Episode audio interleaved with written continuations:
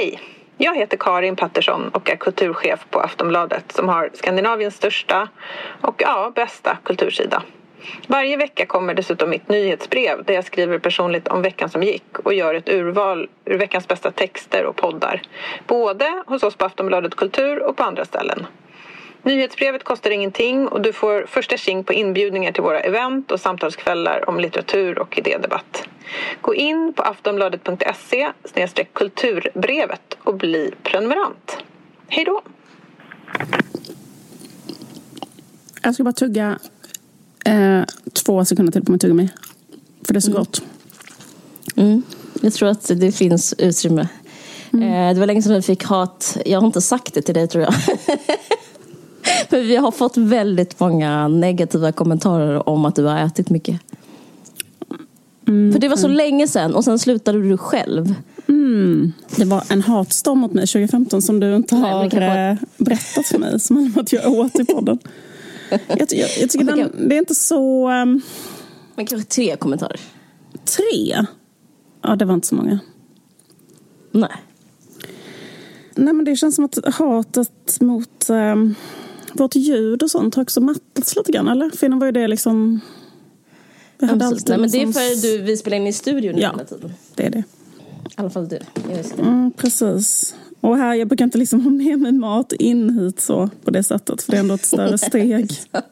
Alltså hemma är det gärna att man sitter så nära en apelsin, helt, man kan bara sträcka ut handen så man blir så sugen. Men här är det liksom inte som att jag har med mig ehm, en matlåda.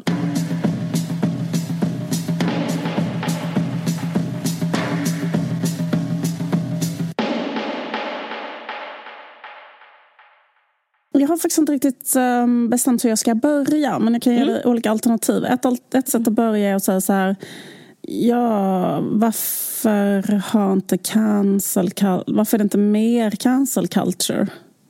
Eller mm. alltså, varför pratar man om att det finns cancel culture när man inte har cancelat den här personen? Kul. Eh, det var en bra början. Det vill jag ja, Okej. Okay. Mm. Jag börjar där. Men alla Vad fall... var de två andra? Så att ska... Det, det, det, andra sättet att börja var bara så här. Jag har läst en bok, en, en, en bok jag har läst i sommar. Jag ska berätta nej. om... Nej. Nej. Shut the fuck up. Förlåt det kan vara då mening två. Eh, för att jag har läst en bok i sommar.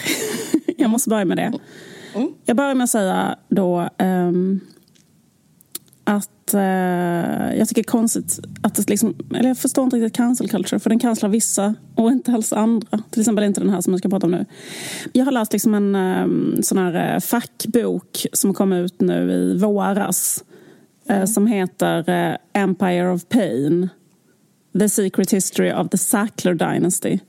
Ja, den har jag, eh, känner jag till. Ja, det, det, han som skrivit den heter Patrick Radden Keefe. Han är en slags mm. grävande journalist bara.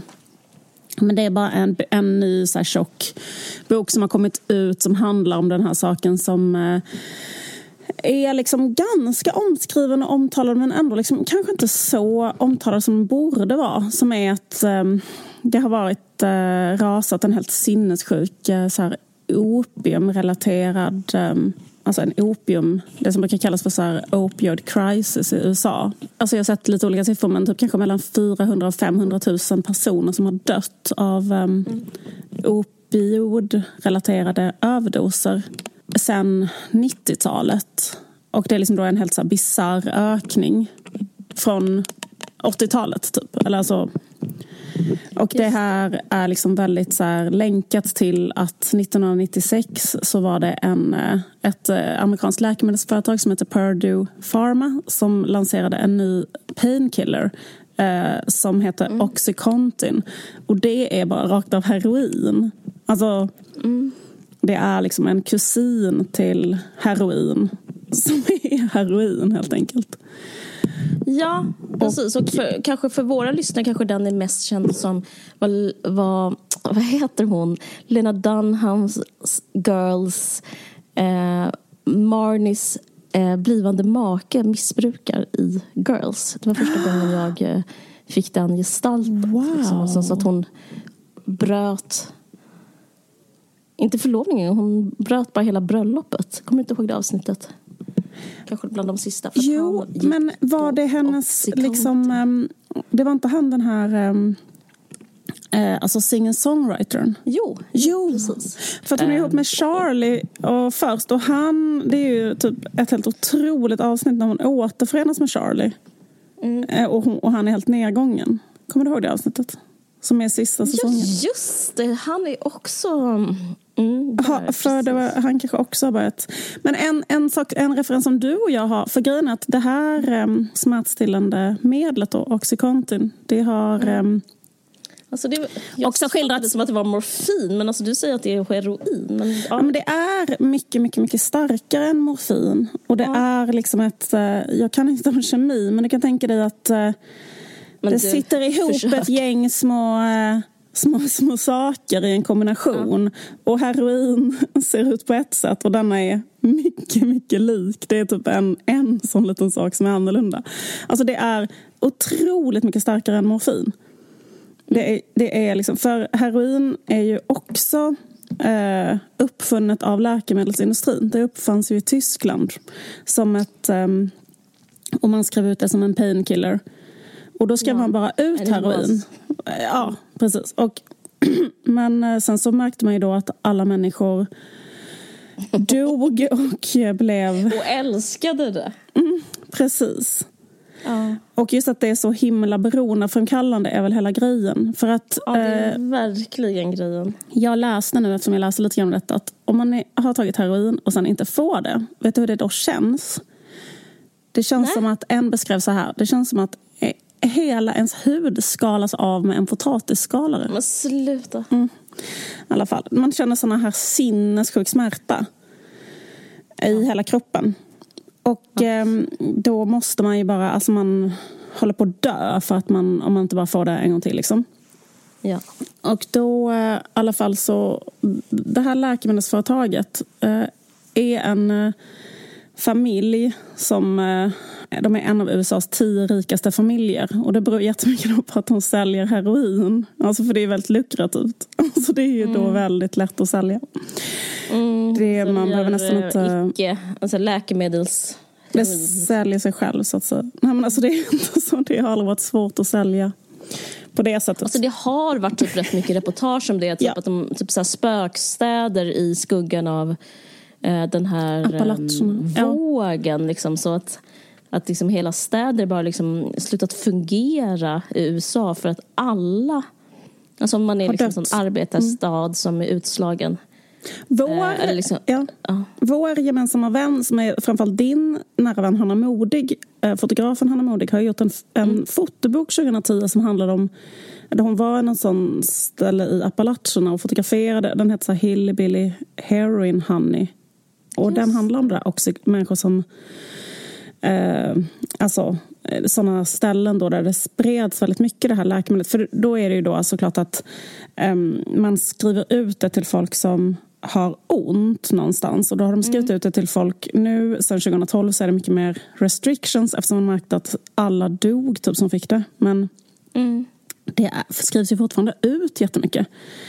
Men, Men I och med att folk blir så beroende så ödelägger det ju liksom hela familjer. Om en i en familj blir beroende så liksom måste den, ja, så det handlar resten av deras liv om att fixa Precis. knark.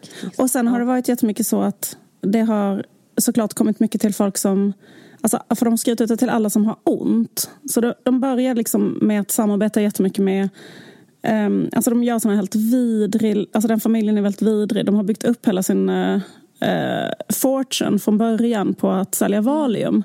Så de började med Valium och gjorde liksom alla människor, alltså alla hemmafruar i princip, alla kvinnor i princip beroende av Valium. Och sen så tjänade de mm. så fruktansvärd mängd pengar och sen nästa generation äh, Sacklers. Det var ju ett win-win på ett annat sätt. Det här är liksom mycket mer Ja, men det, redan där var det ju liksom... Ja, det, det, det är oklint typ, såklart. Och, och, och, det som är sjukt med familjen är att de har dels gjort, de har dels liksom um, Eh, Eh, de, de har både PR och eh, produktion. Alltså typ att de, han den här Arthur Sackler som grundade alltihopa, han liksom kom på hela grejen med läkemedelsreklam.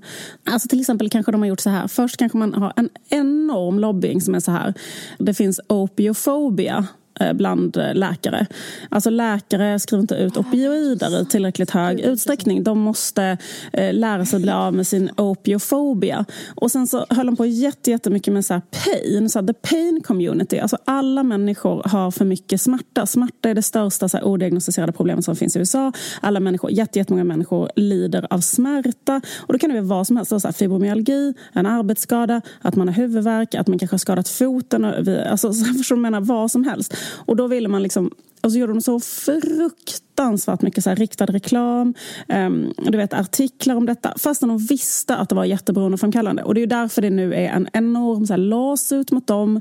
Och man hoppas att de ska eh, liksom få spendera... Eh, alltså, alltså, alltså det här är typ, typ ett brott, alltså det är det sjukaste brottet. Um, det finns en serie nu på HBO som handlar om detta också. Den serien heter mm. eh, Crime of the Century. Och eh, det mm. är ju verkligen Crime of the Century. Alltså det går liksom inte att hitta på något sjukt än den här jävla familjen. Och, eh, eh, Alltså hur... hur Nej, det är, för det, det, det är liksom sjukt att rikta in sig på underklassen så jävla mycket. Ja. Alltså det är så...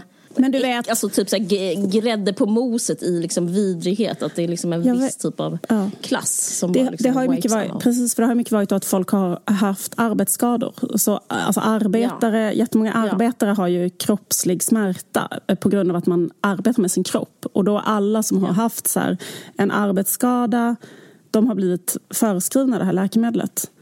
Så därför har det slagit ut, precis som du säger, väldigt mycket sådana delar av populationen.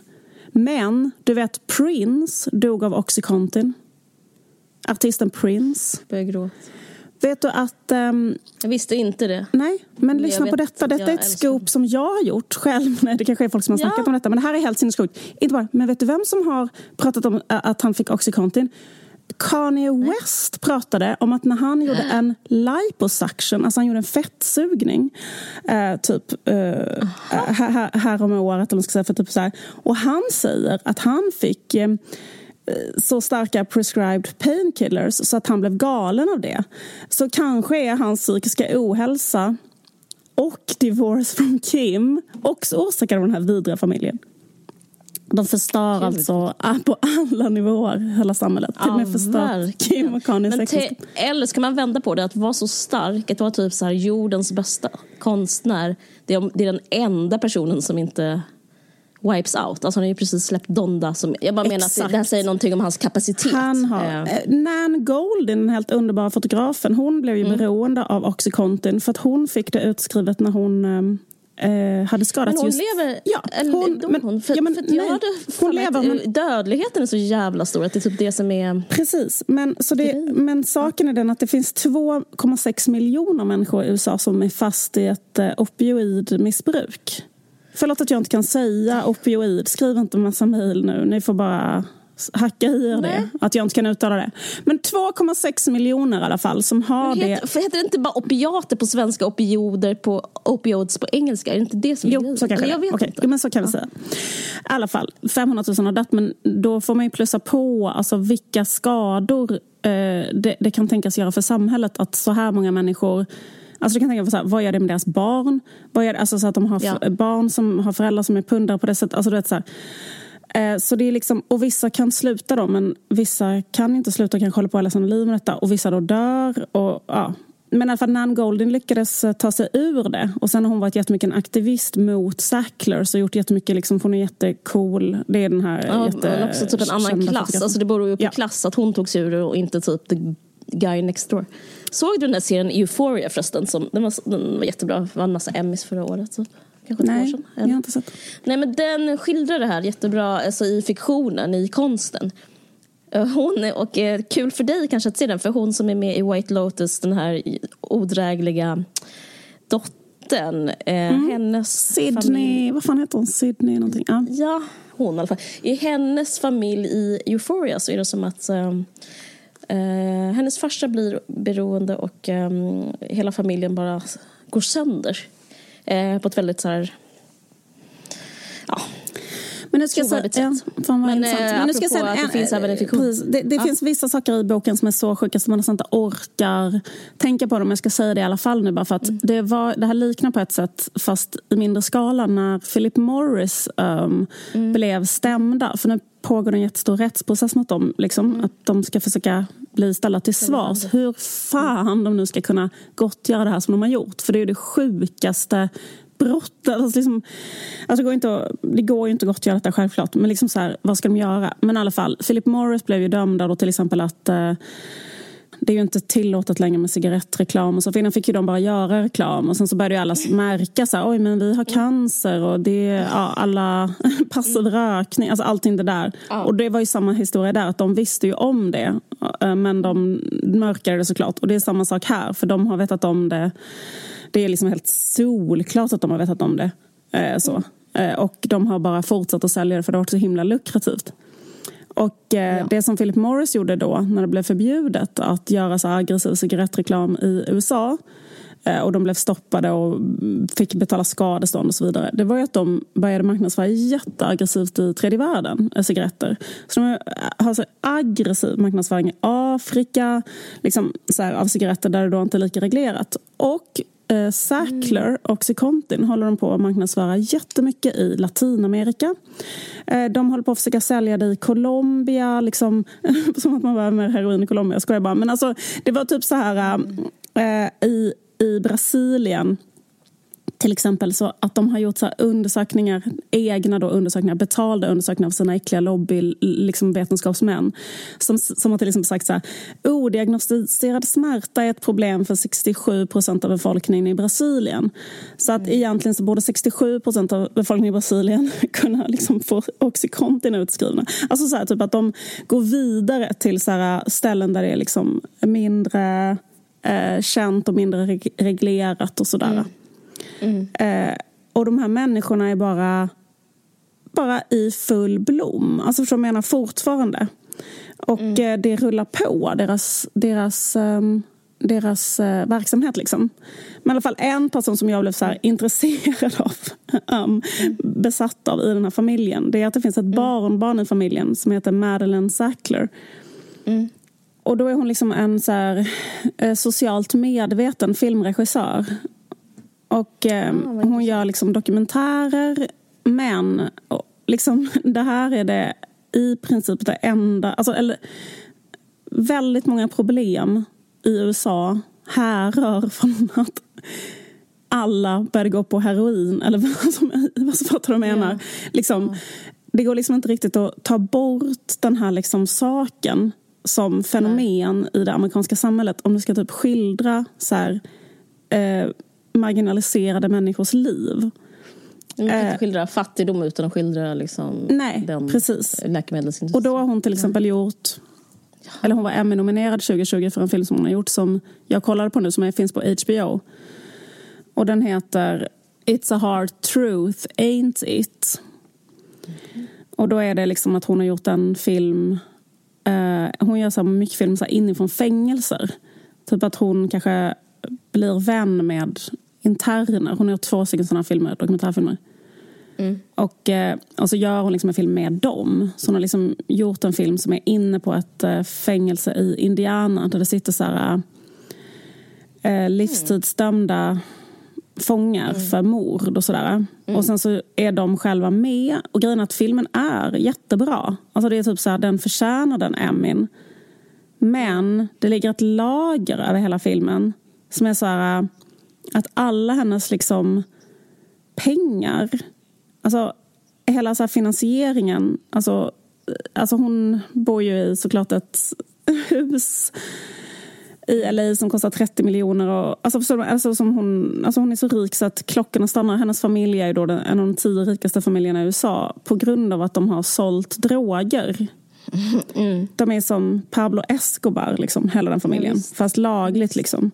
Och ja, då liksom har den här människan mage liksom att göra en film som handlar om så här, ja, människor som sitter inne då för att de har eh, gjort mord. Och det är så jävla surrealistisk eh, Förlåt att jag pratar så. Vad gjort mord heter det inte. Men jag, jag, jag är så trött.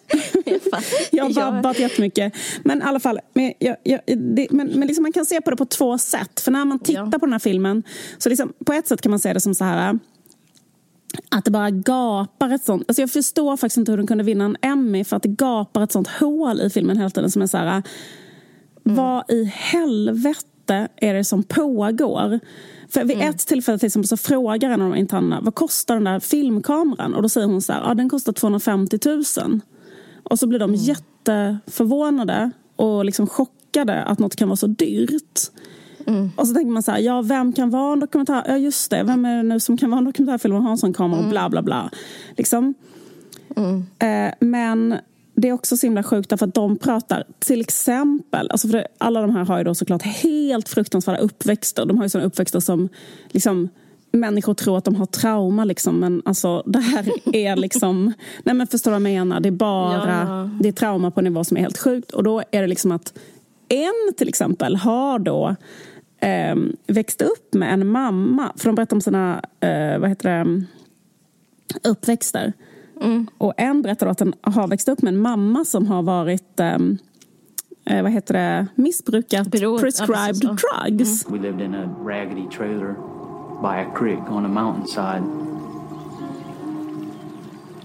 My mom was a little lady, straight up hillbilly.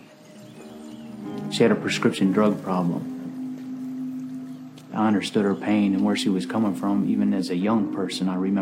Du hör där att hon säger att hon hade ett prescription drug problem.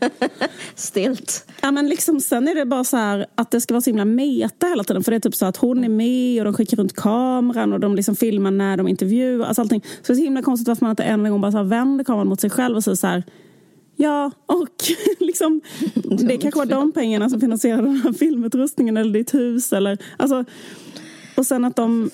Ja. De pratar Men tvärtom är det så inom, vad ska man säga, att hon gör det där liksom är liksom bara ännu mer ondskefullt för det liksom gör, alltså the Sackler family liksom mer, um, det är precis vad de behöver, liksom en sån människorättsaktivist ja. med, med cocktailen. Eh, det är så cyniskt. Nej, men de har jättemånga sådana. De har också en, eh, så här, eh, en som heter Elizabeth Sackler som har en jättestor collection av feminist art. Alltså hon har liksom så, The Elizabeth Sackler family. har hon något av det? feminist art. Och den här Madeleine Sackler, hon är så här, poserar som en såna ja. Black Lives Matter-figurer och sånt. För att hon håller på jättemycket med så här kanske hon har gjort en film som handlar om typ hur svarta communityt blir missgynnade i skolsystemet. Och, alltså hon är jätte... det kvinnor också, för det är så okvinnligt att vara mördare. Alltså det är så himla fånigt att de har så två mjuka kvinnor att göra sådana saker. Precis, men sen kan man också se det som att på ett annat sätt skulle man kunna se, se det liksom eh, som att det här är ett sätt för henne att prata om sig själv och sin egen familj eftersom de också är eh, droghandlare som har mördat folk. Så liksom, men hon ja, kan ja, inte prata om det själv. För henne, liksom. Ja, exakt. Det är en metafor för henne. För att allting de säger är saker som The Sackler Family borde säga eller reflektera över. Typ så här, varför har jag ägnat hela mitt liv åt att sälja droger? Varför tänkte jag inte på de närstående? Varför har jag dödat människor? Det är faktiskt någon annan kvinnas barn som har dött. Sådana saker reflekterar de här männen över i fängelse. Och det reflekterar ju inte Sacklers över därför att de gör exakt samma sak fortfarande. Eh, men de, liksom, ja. de borde säga det. Så att om man ska... Alltså på ett sätt kanske hon förtjänar en Emmy för att hon liksom Eh, nej, det gör hon inte. Men, eh, men, jo, men, men, men man skulle på ett av det. För titta här till exempel. Hon, mm. Här är en sak som en säger när han funderar över sitt liv. Alltså det här borde ju typ eh, liksom eh, David Sackler typ säga egentligen. To be real, my whole life has been pathetic. I mean when you look at it, it's just been from childhood, my adolescence and, and juvie and boys school and everything and then i just I just could never stop screwing up. Han säger så här, my whole life has been pathetic. I, could, mm. I just could not stop screwing up. um, och uh, det sista också är verkligen... Uh, jag ska bara spela upp ett klipp till för det här tycker jag verkligen är när de liksom reflekterar över sina liv och vad de har gjort. Eh, och de kommer till den här insikten och det är den här insikten man skulle vilja höra från liksom Sackler Families mouth men det får man aldrig höra men, men nu säger den här mördaren det istället. we just did, couldn't get it back then. We were just living, you know I mean? We were wrapped up in dope and drinking and lifestyle on the streets. Now we do get it. It's a hard truth, ain't it? Yeah. Är de vita de här fångarna? Eh, två kanske är det. Och eh, eh, no, eh, det kanske är mest Alltså, sex personen stycken. var så här. Ja, okej. Mm. Ja, det, det är en, hon. några stycken som är svarta och några är vita. Men eh, faktum är att de har... Eh, det finns faktiskt en... en eh, det är faktiskt fler vita än svarta som har drabbats av den här eh, eh, epidemin. Och det tror man beror på... Eller en teori som den journalisten har om det är att, man, att liksom läkare är så rasistiskt misstänksamma mot svarta människor och inte vill ge dem eh, vad heter det, Knark. skriva ut knark exakt för de tror att de ska sälja det vidare medan de inte har så mycket såna tankar kring vita. Så därför så, eh, på ett lustigt sätt så har svarta communityt klarat sig bättre. Även om de också eh, har blivit påverkade så är det liksom eh, en sån liksom rasism som på något konstigt sätt liksom var då liksom blev, blev positiv för dem i just det här fallet. Eh, och även har man ju sett i Ja, men typ att man ger svarta människor mindre painkillers överhuvudtaget. Alltså det är en sån grej. Man ger dem eh, mindre vård överhuvudtaget. Ja, precis. Men typ att man liksom på menar på att de... Eller som att det finns en sån Att de kan ta föreställning. smärtan. Ja, exakt. pratar Att de får mindre, ja, exakt, får precis. mindre liksom, smärtstillande vid förlossning och hit och dit. Och det förstår man inte hur det är möjligt. Så lite smärtstillande man får vid förlossning. Man trodde liksom inte att det var... Jag förstår inte hur det kan gå att få mindre. Jag har aldrig fått något smärtstillande någon gång under någon förlossning. Nej. Det har bara alltid Det var- varit det är så. Det sån, går eh, inte nu. Nej, så är det kan verkligen. Man måste, tre, vara, måste ha en personlighet som är typ att man ska klaga på chefen. Det är sån personlighet man måste ha. Alltså man måste vara så här, ursäkta, jag tycker faktiskt inte det här går rätt till. Alltså så måste man också vara när man eh, förlöser ett barn, vilket är helt sjukt. Precis. Nej, men, för, men vad det jag funderar på med henne då, Madeleine Sackler, att det är så himla speciellt för att det slutar med att hon liksom, det står en skylt typ i slutet av, eh, av liksom den här filmen där, där hon skriver så här Alltså hon är emot fängelser, eller hon vill att det ska vara mer vård och mindre fängelse. Och det har hon ju verkligen rätt i. För att i USA är det ju väldigt, väldigt, väldigt sinnessjukt. För att de får ju... Alltså det finns en som har typ 120 år.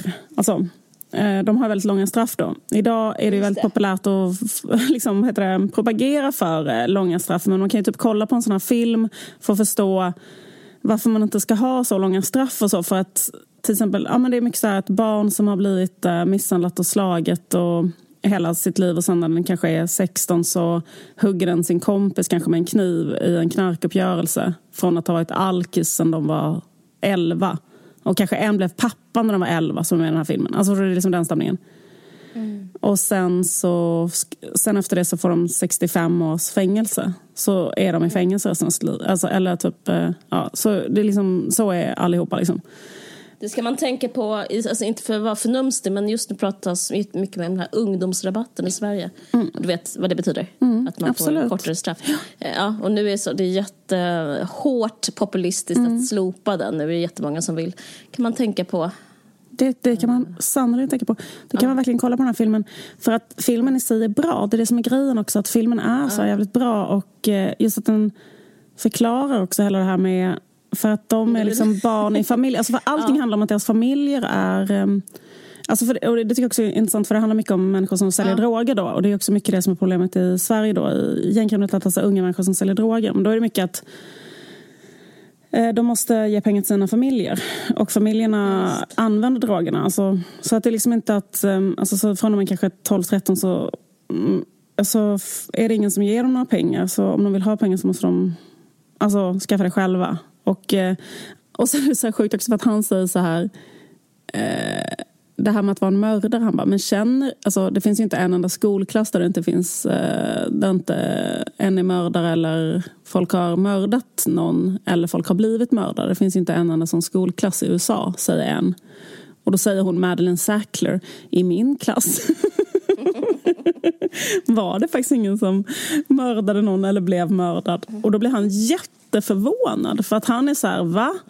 I, in the United States? Va? För det är ju så i alla klasser in the United States att liksom tio i varje klass antingen har mördat någon eller själva blivit mördade. Liksom. Och Det är mycket det också att de mördar bara en annan som är exakt som de själva. Mycket är det att de liksom har bara, de har varit, en har mördat sin bästa kompis. Det liknar hur det är i Sverige. Alltså i de här gänguppgörelserna. Att de har liksom lekt sedan de var små. Sen är de, håller de på att sälja droger så blir de ovänner kring någon grej angående den businessen. Och då dödar de andra. Eller liksom en försöker döda den ena och då dödar den andra den andra. Liksom. Och sen så är de 16 och sen så får de sitta resten av sitt liv i fängelse. Och så har de barn så på utsidan. Och så vidare. Ja. Men, alltså, sen, men hon är så himla duktig. Alltså hon är så Ja. högpresterande och korrekt. Så att Ja. hon har ju gjort som att det här är liksom en... Hon har varit på fängelset jättelänge och gjort en workshop. Så det är de själva som filmar och intervjuar varandra. Men liksom, så att så här, hon, har till, hon fattar ju till och med det. Så hon är typ så här att... eh, för att inte få den Jo, men det blir som kritiken. en extra Ja, som en manifestation extra av en klass, Precis, menar jag. Exakt. liksom så och, och att de ska sitta där och vända in och ut på sig själva. Fråga sig själva vad de har gjort fel i livet. Och då kanske de har sålt lite gräs på gatan typ. Medan hennes familj har liksom sålt heroin Mm. till sån hela, globalt. Liksom. Och eh, jag menar, även om hon inte är personligen ansvarig för det för att det är hennes så använder hon ändå de pengarna. Och Ja, eh, hon lever ju på de pengarna och eh, hon har ju låtit de pengarna finansiera hela hennes... eh, Alltså allting är gjort av de pengarna och de pengarna är, då, är det som har orsakat de problemen som hon sen filmar. Det är det som är så jävla barockt. Ja, visst. Så att så här, Det är det megabarockt. Ja, men liksom, så det är bara så jävla sinnessjukt alltihopa. Men, men, eh, men det som jag tycker är så himla konstigt är att hon inte är cancelled. Alltså för att ehm, om man inte ser det som ett metaprojekt där hon liksom eh, låter de här små dealarna och små mördarna typ. buktala för vad Ja. Raymond Sackler, hennes, hennes då eh, great grandfather, skulle ha sagt eh, om Det han liksom hade Det sagt rätt. Eh, men samtidigt så blir det ju ännu mer, det blir på något sätt att liksom våldta de här, förlåt jag ska inte Ja, ja, använda ja. uttryck, nej men jag menar Det är att först deras... pissa på Ja, dem, sen våldta, sen tutta våldta. Ja men exakt, det blir så nekrofili, typ att ni har inte bara mördat 500 000 människor, ni ska sen då att de här liksom barnen till människor som har växt upp med typ ett sånt då prescribed drug problem, för att liksom, om man växer upp med en mamma som är rakt av heroinist eh, då är det klart att eh, det blir helt rubbad känslomässigt och jättesvårt att klara det livet. Och han fick såklart ett drogproblem själv. Och sen i Ja, ja, det så... självklart. Eh, och bara uppvuxen med så här våld och misär och sen mördar han någon när han är under 20 någon gång och sen åker han in i 120 år eller något liknande hade han då. Och sen ska han sitta typ och, och, så, och så är liksom en fråga är så här, var gick det fel? När tog du fel väg i livet? När Var- din farfar... Eh. Nej, men jag vet. Det men då hade det varit men så jag blir jävla också provocerad spännande. av att de inte får betalt. Alltså för, det, för jag, äh, vet du, dokumentärobjekt, Mm. eh, intervjuobjekt får aldrig betalt. Det är, liksom, det är så som Roy Andersson jobbar också. Men, eh, men eh, så att liksom, då ska de, så det är så här kvadripelbestraffning, att de ska så här, göra hennes jobb också. Alltså det är verkligen som att hon De står bakom filmkameran. skiter på dem, liksom. alltså som så här, bajsar på dem. Liksom. Ja, det är helt, eh, helt, helt sinnessjukt. Nej, men jag vet inte, men det var så, så sjukt när så här, typ ändå eh, vi får se vad som händer. Vi får se vad som händer nu. Om det går liksom att sätta dit dem eh, juridiskt. Men eh, det, den stora, alltså människor som är så rika kan man ju aldrig sätta dit. Det är det som är så jävla hemskt. Nej, men vet du vad man kan göra? Nej. Faktiskt. Man kan göra en film om det här. Det skulle vara kul. Ja. Alltså som de gjorde Mad Men om... Den, den handlar ju egentligen väldigt mycket om Philip Morris liksom, utveckling. Eh, kan man läsa både här och där. Nej, men jag vet inte. Men du vet att de ska göra en film om... De ska göra en tv-serie av The Queens eh, efter de lyssnade på vår podd. Den kommer komma nu. Just det. Ja, så nu så måste jag säga att om ni gör en film om det här så kommer vi stämma er. Puss! Nej, vad ska jag? Men, eh, men jag menar, man kan, eh, man, kan, man, man kan ju berätta om det. Det är typ det man kan göra. För jag, vet, jag tror inte liksom det finns något straff som är rättmätigt. Alltså det Nej, det går gå. ju inte. Det går ju inte. Det går inte. Det är öga för öga liksom. Då får man wipe them out och då så, ja, jag vet inte. Precis. Det är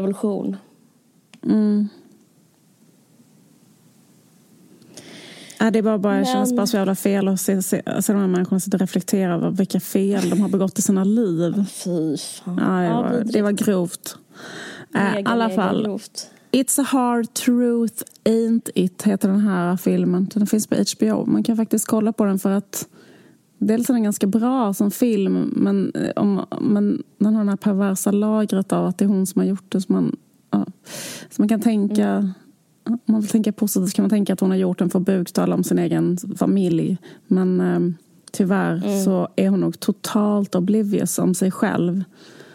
Eh, hon har gjort en annan film som handlar om så här, yttrandefrihet i Belarus som också har varit, fått en Emmy. Ja. Men jag har en segway över till mitt ämne. Härligt. För jag har nämligen läst eh, boken Trion. Känner du till den? Nej. Det är Trion? För, Alltså som trio, en trio. Mm. Ja, det är jättestor snackis. Det är liksom årets kulturdebatt. Ja, men du vet, jag följer inte med överhuvudtaget i någonting. Alltså jag, typ så här, jag, jag har tre barn, så jag, liksom, jag lever verkligen som en sån... eh, Alltså jag visste inte att Stefan Löfven hade avgått förrän så här, kanske två dagar senare. Jag skämtar inte. Alltså det är sant. Ja. Eh, men eh, berätta för mig. Nej men okej, ja, men gud vad speciellt. Men jag- jag tror att våra lyssnare, det är verkligen deras intresse att... eh, För det var så, jätte, så här har det varit. Jag berättar allt från början så, så kan eh, ni som är riktiga kulturheads gå och ta en kopp kaffe som jag berättar för dig. Jo, men Fan vilken de, eh, kränkande grej att säga till mig, men fortsätt. du. Men alltså det har varit så stor debatt. Eh, så här, alltså alla, alla kokar. Eh, så här är det att eh, det fanns en, eh, det kommit en bok, en ny bok eh, som heter Trion och den blev förhands hypad eh, på grund av att den såldes, rättigheterna såldes till massa olika länder. Ehm, och då så blev alla svenska recensenter de blev liksom helt tokiga. Alla skriver om den här hypen, att boken inte lever upp till hypen. Bla, bla, bla, bla. Och den blev liksom rätt, så, så här, rätt sågad kan man säga. Liksom för att den var hypad och såld till många ställen så skrev alla att den var dålig. Ja, För att de liksom på något sätt var lite så här jantelag eller var det att eh, förväntningarna var för höga eller? Var, eller... att de, tydligen Ja. fick alla rec- recensenter jättehöga förväntningar. Okej. Varför har den blivit såld till så många länder? Förlåt, alltså att jag inte hänger med. Men alltså, Ja. vad beror det på? Alltså, eh, för det är ändå ovanligt att en så här debutant blir såld till jättemånga länder. Precis, det var där, då, Ja. nu beskriver du, gud vad bra, du gestaltar faktiskt alltihopa. Det är ju det alla ville ta reda Ja, på. ja. Så liksom, eh, och, det, och, det, och med den liksom, eh, liksom, vad ska man säga, solsken i blick så började folk läsa, vad är det här nu då? Och så tyckte de så här, men nej, det här kan väl inte säljas? Varför ska det här säljas eh, på det där sättet? Eh, när det är inte så där bra. Eh, och så, så, så blev hon, Johanna Hedman som har skrivit den här boken, som recenserad i en kontext snarare än i en... eh, Eh, litterär, för litteraturen för sig egen skull, sin egen skull. Ja, precis. Eller? Men för det jag tycker är intressant är att liksom folk skriver om det som eh, ett mått på kvalitet Eller, Eller, eller litterär egenskap. Men en annan sak som jag inte läst någonstans i något inlägg det är att eh, en, enligt liksom en viss logik, alltså man behöver inte värdera den logiken men det finns ju en, det finns en logik i litteraturvärlden som är att eh, keffa böcker säljer mer. Alltså det, det verkar så konstigt som att alla så här gnuggar sömngruset ur eh, ögonen och liksom eh, ser sig nyvaket omkring. Och typ, för jag menar, det finns ju andra som säljer, översätts och säljs till massa länder. Och det är ju deckarförfattare. Ja, alltså, Ja. Man skulle kunna ha exakt samma Ja. retorik Ja, kring så här, nej, jag tycker faktiskt att den här morden, liksom, man bara what the fuck. Eller, eller en sån här bok, en, en coffee table bok som heter så här, What's the thing, thing with Swedish fika? Eller Ja, ja, ja. What about Ja, lagom? Eh, så Ja, precis. lagom, ska komma ha en sån bok som handlar om what is Ja. the Swedish fika. Den kanske är såld till en miljard länder. Men jag menar exakt. Ja. Men det betyder Ja, men inte att det är den precis. bästa boken alltså, som någonsin har skrivits. Nej men det litterärt. tänkte jag var mer en slags regel att så här, det man tävlar mot är ju liksom att kunna, alltså uppförsbacken i de, de fallen är ju liksom tvärtom så här att trots det skulle den kunna vara bra.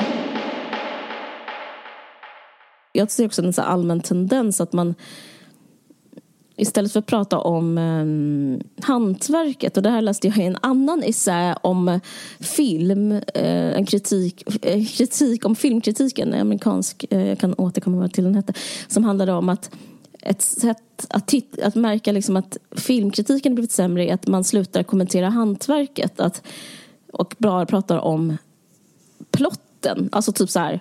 Det var en eh, pojke som åkte till, eh, han skulle börja söka lyckan som rodeo, typ cowboy. Jag Ja. hittar på nu bara. Har du hittat, var det här Ehm, ditt exempel?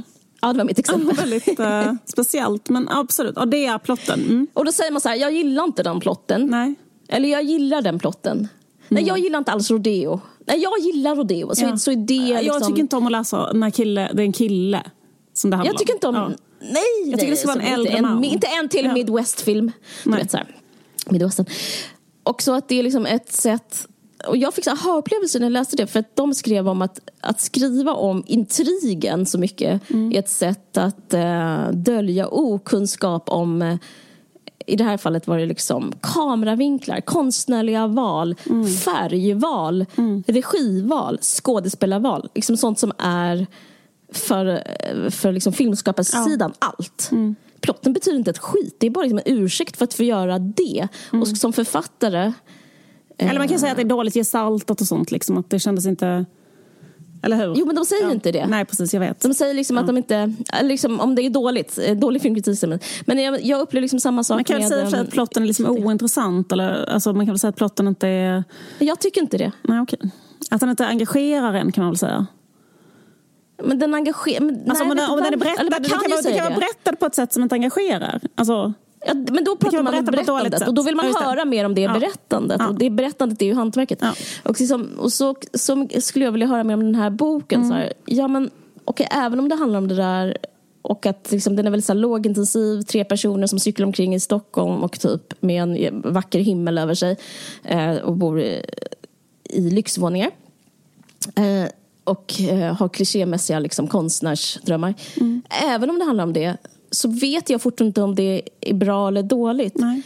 Eller visste jag inte när jag började läsa den. Då trodde jag att det skulle vara dåligt för att det låter så gjort och liksom eh, dark academia pornografiskt. eh, eh, Liksom en genre som jag personligen avskyr.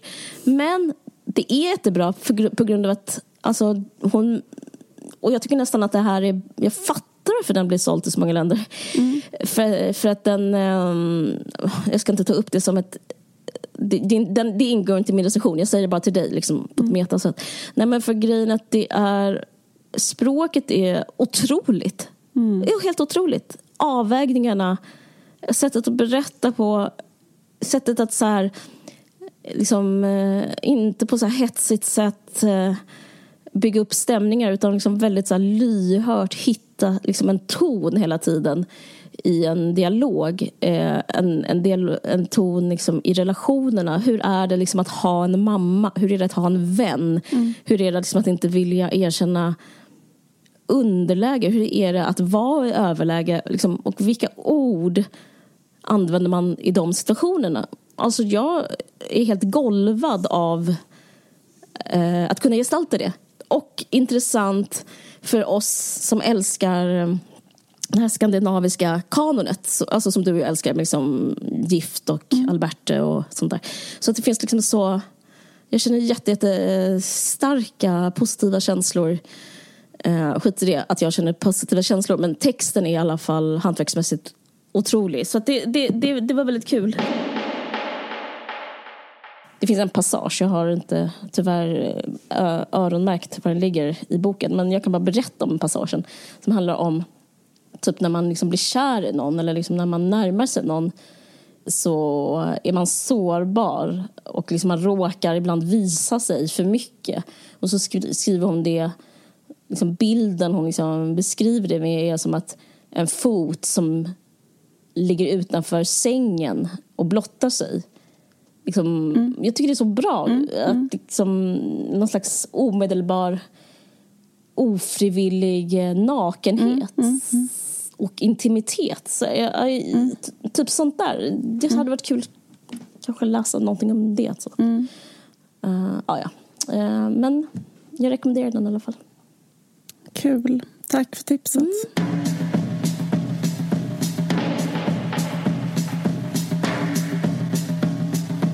Det intressanta är, alltså övergången som jag inte hade innan, men i boken, den handlar om familjen Stiller som är typ som familjen Sackler och de säljer vapen, en svensk familj. Så deras liksom fortune eh, och anledningen att den här personen i boken kan leva ett bohemiskt liv. Eh, och de pluggar litteraturvetenskap och skriver och sånt där och även pluggar juridi- juridik liksom eh, och bor ja men du vet, bara leva ett härligt liv liksom med och, total bohemiskt är försörjt av ehm, eh, att de exporterar det här svenska företaget som hennes familj har exporterar vapen till eh, icke-demokratiska länder. Det låter som en bra... Superbra, alltså kul, kul, eh, kul premiss. Kul idé, alltså, Och det gör ju liksom att eh, man kan säga saker om klass och att det ligger som en hinna hela tiden. Ja, jag tycker det är intressant. Det, är inte, jag, men, jag har inte heller liksom läst någon som plockat upp Alla de här länderna som har köpt den hade rätt. Ja, precis. Det här blir bra. Jag har också sett Black Widow. Vet du vad det är? Nyaste Marvel-filmen. Ja, just det. Precis. Det är den med alltså, hon Scarlett Johansson. Men där tycker jag biografin hjälper filmen. För biografin är ju att hon har stämt Disney. Eh, du vet eh, att hon har stämt hela Disney för att de vi, skulle visa den på Disney+, Plus, alltså en sån här streamingtjänst Just innan det. den haft biopremiär. Och filmen handlar om att hon är en person som i stort sett liksom gör upp med den som styr världen. Alltså i filmen så fightas hon mot så världens mäktigaste man. Och utanför också. Det är liksom eh, det är en sån här synergieffekt som jag ändå gillade. Wow. Men- Ja, men det låter bra. Ja. Nej men du, det här görs i samarbete med Aftonbladet Kultur. Tack Aftonbladet Kultur. Tack för att ni lyssnar. Puss och kram. Vi ses om två veckor. Hej då. Slope, baby. You gotta get this slope. Yo, back in the yo, remember back in the days when shit, everything was all smooth and calm. Yo, man, I'm, I'm building, bro. I'm building, man. I'm saying, like, remember, like back in like in 70, 79. Everybody was on that line. Nah, nah, 87. That was my favorite. Everything, everything was lovely, man. Yo, yo, get the f- out the rain. Go, so the f- is that? Uh, hey, yo, Ghost, yo, Ray. What's up with y'all, man? Y'all nigga, ah! Hey, you know, everybody's talking about the good old days, right? Yeah. Everybody, the good old days, the good old days. Good old days. Well, let's talk about the good old Let's days. talk about it.